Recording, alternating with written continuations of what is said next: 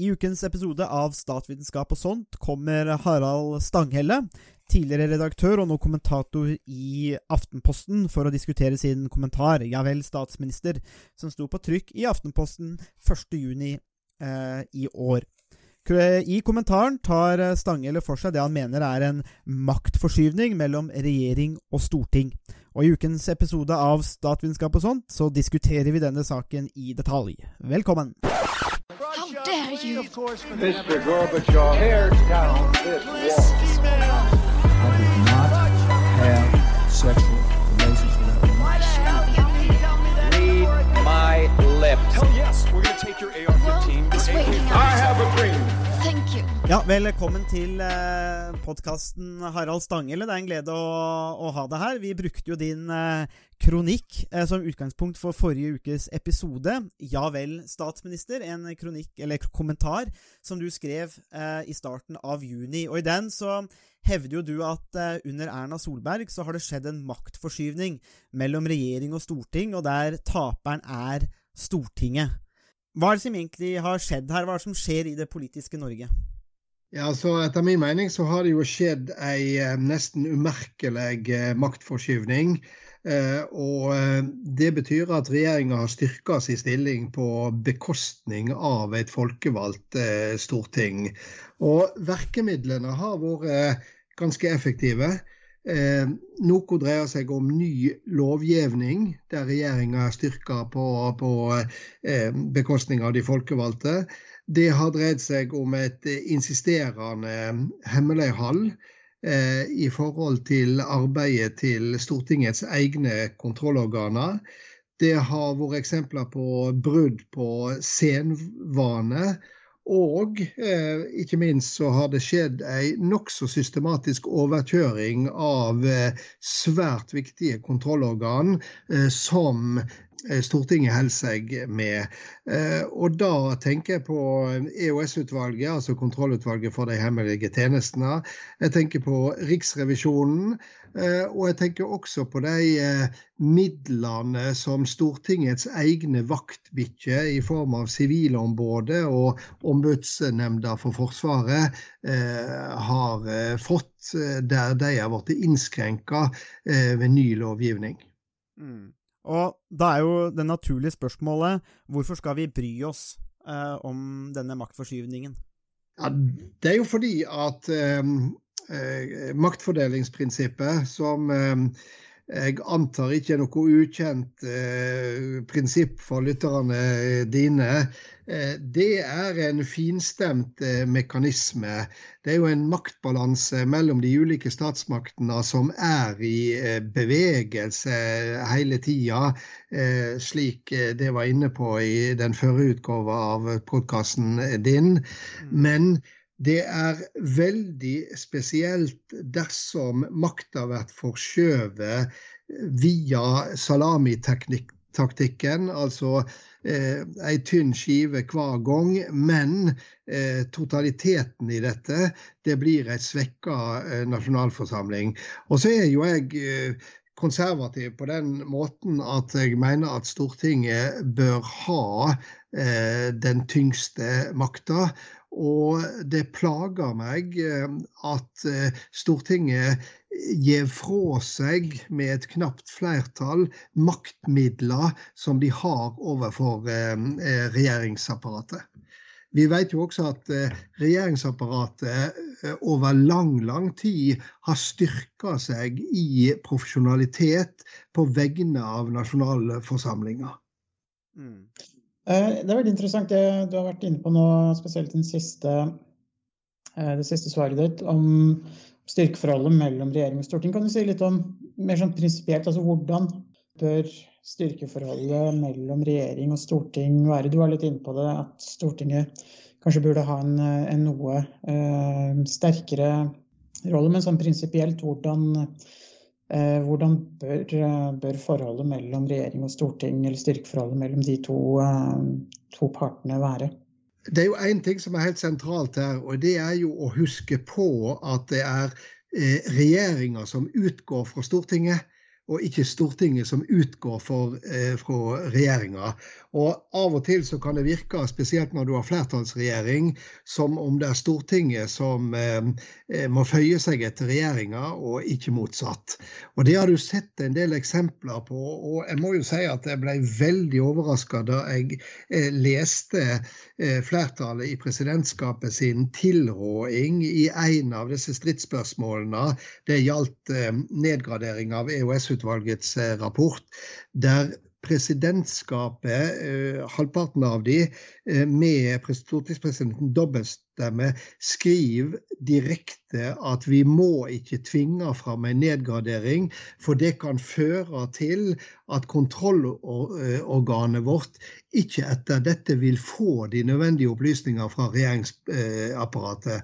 Og det er jo en oppsiktsvekkende og uprinsipiell argumentasjonen at vi er så redd for at regjeringsapparatet holder unna legitime opplysninger som et kontrollorgan under nasjonalforsamlinga har, at vi tør ikke utfordre regjeringa. Og det tydeliggjør for meg veldig tydelig at her har vi et storting som i et maktfordelingsperspektiv er på vikende front, mens regjeringa er det som sitter med korta på si hånd. Um, et, et, oppfølgingsspørsmål til det. Er det, eh, er det staten eh, som blir sterkere, eller er det regjeringen som på en måte tilraner seg makt? Hvis man på en måte skjeller mellom de to institusjonene. For man kan jo se for seg staten som på en måte departementene og andre eh, statlige direktorater og osv. På den ene siden også regjeringen. På, på den andre er det fra, fra dagens regjering som er, er, det dagens regjering som er mer uvillig til å gi fra seg informasjon, eller er det på en måte statsapparatet i et mer sånn større eh, perspektiv? Jeg tror nok kanskje at eh, det er en blanding av eh, dette. Altså, Vi har et sterkt statsapparat i dette landet. Vi har nokså sterke direktorater i dette landet. Og det er klart at de har sine interesser i dette. Men det ville jo ikke vunnet fram på disse områdene som vi har snakka om nå, dersom du ikke hadde ei regjering eh, som, eh, som eh, kjørte veldig hardt overfor Stortinget her. Og hvis jeg får lov, så har jeg jo lyst til å minne om at grunnen til at dette er blitt så tydelig, akkurat noen av de eksemplene vi snakker om nå, det er jo at eh, Stortinget satte ned et bredt sammensatt utvalg som ble kalt for Harberg-utvalget, som skulle se på nasjonalforsamlingas kontrollorganer, f.eks. Sivilombudet. Eh, Harberg-utvalget består av eh, både politikere og eksperter utenfra, bl.a. fra akademia. De leverte sin innstilling i eh, februar. Eh, og kontroll- og konstitusjonskomiteen på Stortinget behandler denne innstillinga. Og bl.a. så slår et enstemmig Harberg-utvalg fast, ledet av Høyre-mannen Svein Harberg, at det er kontrollørene og ikke den kontrollerte som må definere hva de i sitt kontrolloppdrag trenger innsyn i. Dette ble en samrøystes eh, stortingskomité enige om at dette var det viktige og det selvforklarende prinsippet. Men så ble dette stoppa stoppa etter press fra Solberg-regjeringa. Det ble behandla i Stortingets presidentskap. Og da var det at presidentskapet delte seg, og flertallet, altså regjeringspartiene pluss Frp, de var villige til å innskrenke det dette Harberg-utvalget og en enstemmig kontroll- og konstitusjonskomité har gått eh, inn for. Og da mener jeg du blir for tydeliggjort veldig tydelig at Stortinget har ei vilje i forhold til eh, maktfordelinga og i forhold til kontrolloppgavene. Men regjeringa har en annen vilje, og det er regjeringa som greier å piske sine egne på plass til å devaluere Stortingets innflytelse. Mm. Hvorfor tror du eh, det her skjer nå, hadde jeg nær sagt, er det altså Man kan jo si at regjeringen har en interesse kanskje av å gjøre det lett for seg selv eh, ved å slippe å bli gått etter i sømmene. og det kan jo være, De kan ha en interesse av å øke sin, sin egenmakt på bekostning av andre partier og, og Stortinget. Men, men altså finnes det noen, noen, andre forklaringer eller noe som kan, altså, som kan være med på å kaste lys over hvorfor det, det skjer akkurat nå, eller har skjedd de siste, siste årene, den siste, den siste regjeringen? Altså, En praktisk forklaring er, at det eh, nå de siste månedene har kommet opp eh, eh, fem ulike saker som alle berører det vi nå snakker om. Og det er veldig sjelden, hvis du ser på eh, de siste årene av stortingshistorie, så er det veldig sjelden at det kommer en sånn klase med, med helt ulike saker, men som alle Eh, til sjuende og sist dreier seg om eh, maktforholdet mellom storting og, og, regjering. Så det er jo den praktiske og den mer tilfeldige forklaringa. Den andre, og kanskje mer interessante problemstillinga, eh, det er jo Nå er Erna Solberg sittet med makta i åtte år. Hun er blitt vant til å sitte med makta. Hennes perspektiv er nå statsministerkontoret og regjeringsmaktperspektivet, og ikke det folkevalgtperspektivet hun kom ifra. Eh, det, det er et umulig spørsmål å svare på, men det er ganske interessant å, stille likevel. Ville det samme skjedd hvis disse sakene hadde dukka opp det første året Erna Solberg eh, regjerte? Og eh, ville hun vært så selvsikker eh, at hun bare overkjørte Stortinget og pressa fram sitt da? Jeg er ikke helt sikker på at svaret er et utvetydig ja. Mm. Så her er det der, altså jeg, jeg, tenker det, Vi, vi, vi snakka en del om det her i forrige podkast, eh, Harald. altså nettopp dette med Det ser jo ut til å gå litt løs på de felles prinsippene, felles fundamentet, kanskje vår felles forståelse av hvordan demokratiet vårt fungerer. Når vi ser den der, litt som, som du beskriver, den der sal salami-effekten, at du, du, tar liksom bort liksom skive for skive. Men, men, likevel, for meg, da, så synes det som et, et, et, uh, likevel som et angrep eller en underminering av på en måte vår felles forståelse, felles fundament for hvordan demokratiet vårt fungerer? Er det, er det rimelig å, å, på en måte gå i den, i den retningen der, tenker du? Eh, ja, jeg syns jo det er rimelig. Men hadde du stilt det samme spørsmålet til eh, eh en av de mest ihuga representantene for eh, regjeringa, så ville de sagt at det er helt urimelig.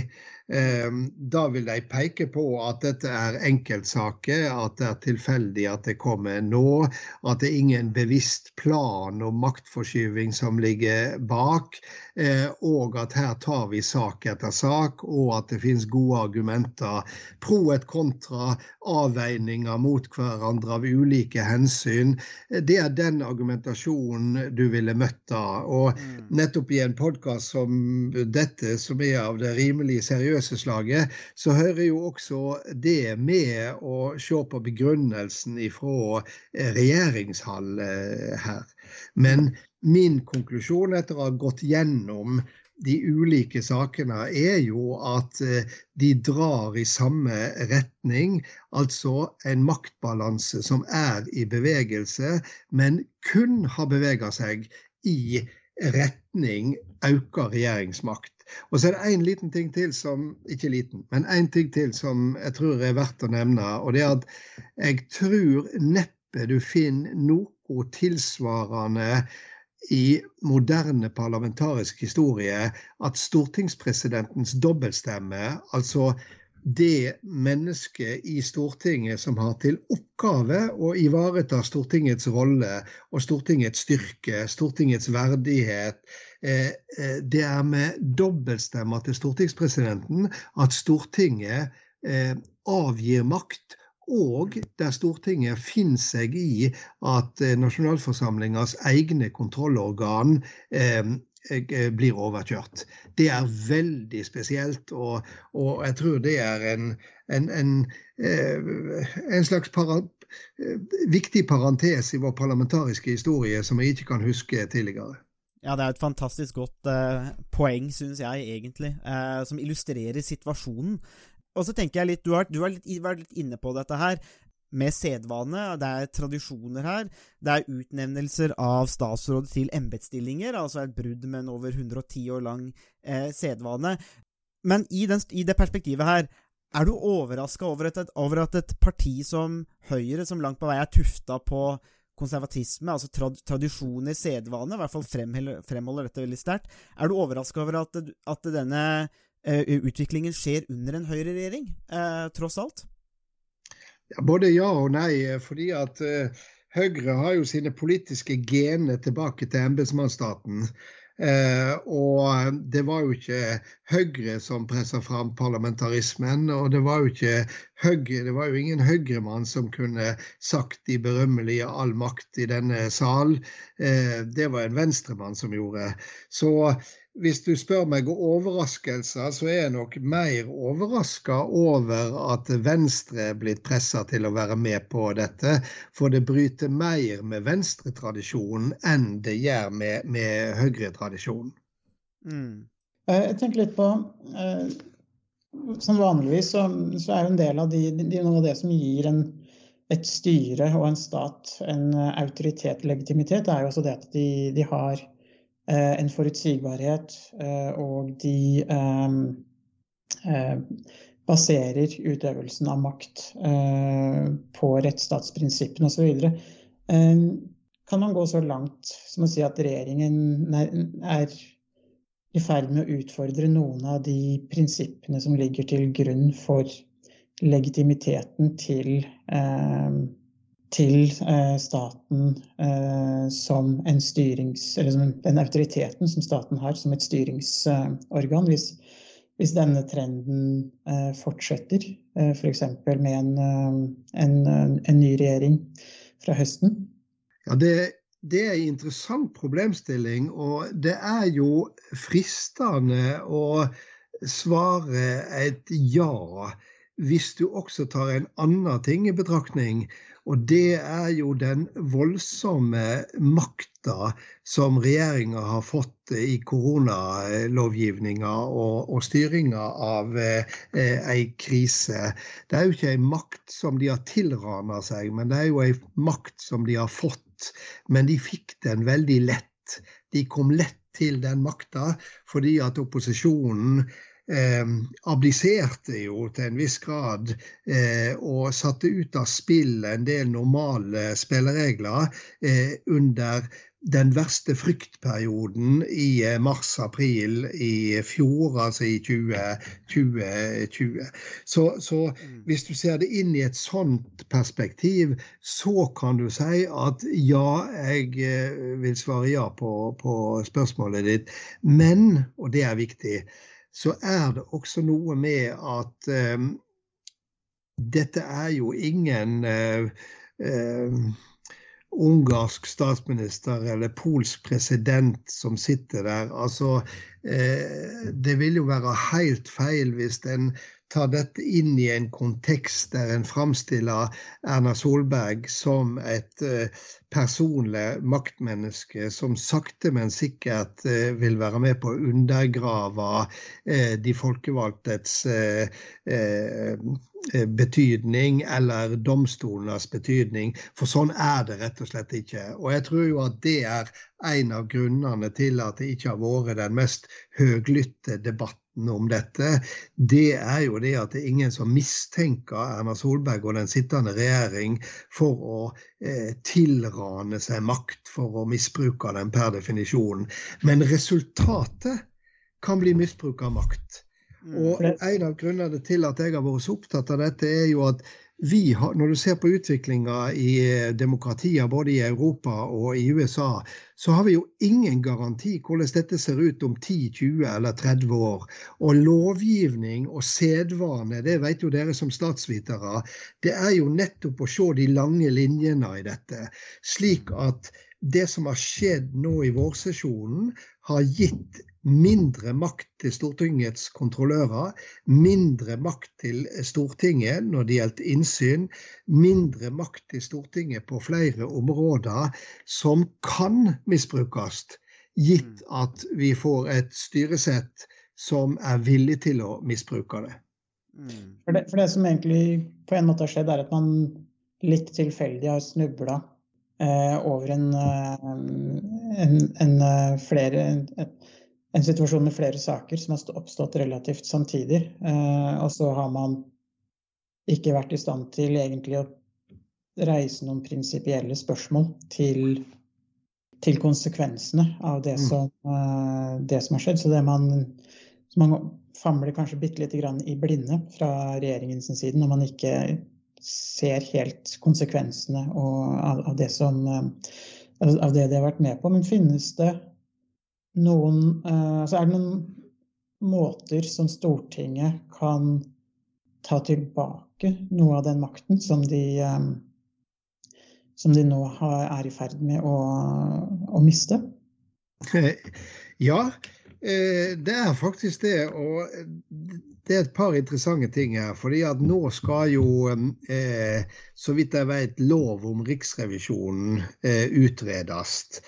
Og den, eh, jeg vet jo at det er en del innenfor Riksrevisjonen som er veldig redde for at den begrensninga som Sivilombudet har fått når det gjelder å ikke få adgang til regjeringsnotater, som eh, i parentes bemerka veldig sjelden er blitt brukt, men der det står også en formulering at en ikke har adgang til dokumenter i tilknytning til disse. Og det er jo bl.a. både Sivilombudet, men spesielt Riksrevisjonen, livredd for skal gjelde deg også, fordi at et byråkrati, eller for den saks skyld en politisk ledelse i et departement, vil jo da ha muligheten til å putte veldig mye interessante i revisjonssammenheng eh, dokumenter eh, inn i den eh, sekkebetegnelsen 'dokumenter i tilknytning til regjerings, regjeringsnotater'. Det interessante blir jo hvis de nå får ei utredning av ei lov for Riksrevisjonen, og du får et regjeringsskifte, vil da den nye regjeringa, som nå i Stortinget har utgjort opposisjonen, vil de holde fast på sine prinsipper når de kommer i regjeringsposisjon? Og betyr det at de vil sørge for at sånne innstramninger vi har sett nå, ikke vil gjelde Riksrevisjonen? Og enda mer interessant, vil de i samme slengen sørge for å oppheve begrensningene eh, som har blitt vedtatt nå, eh, når de selv, hvis de sjøl kommer i, i posisjon. For eh, du spurte om Høyre i, i, i sted, og jeg nevnte både Høyre og Venstre. Men et tredje parti som er interessant i dette, det er jo Arbeiderpartiet. For Arbeiderpartiet er jo et inkarnert styringsparti, og har ofte vært et parti som har satt seg veldig imot eh, innsyn, eh, og egentlig har, eh, har eh, stått for en linje der regjeringa har eh, vært sterke på bekostning av Stortinget. De har jo en lang flertallstradisjon. Sant?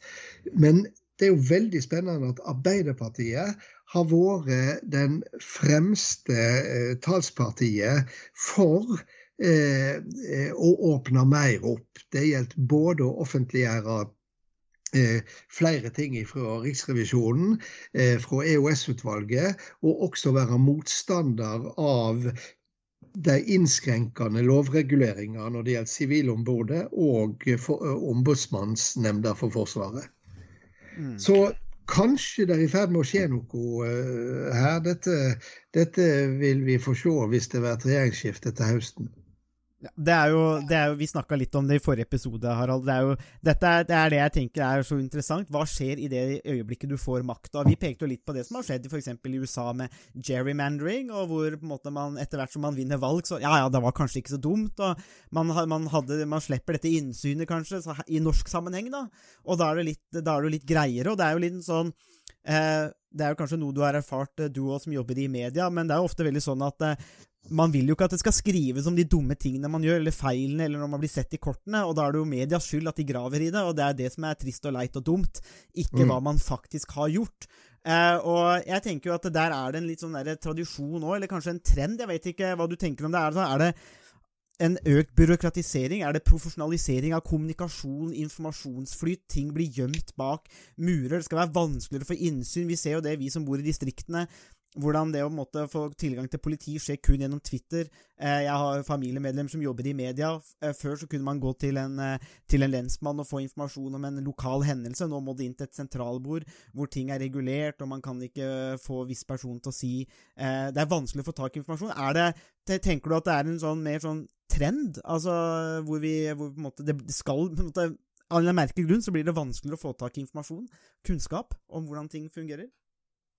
Ja, altså både vanskeligere og lettere. Altså På ei side så er det blitt lettere å få tak i eh, kunnskap, men, men samtidig så har du jo utvikla et helt utrolig stort apparat med kommunikasjonsrådgivere og, og buffere mellom eh, både byråkrati og, og, og media og publikum, og, mellom politikere og media og mm. publikum. Og eh, det er klart eh, Eh, for 30-40 eh, år siden, da jeg var aktiv som, som politisk reporter, så kunne du jo bare ringe en eh, byråsjef og så snakke med vedkommende om ei sak, eller en ekspedisjonssjef eller departementsråden.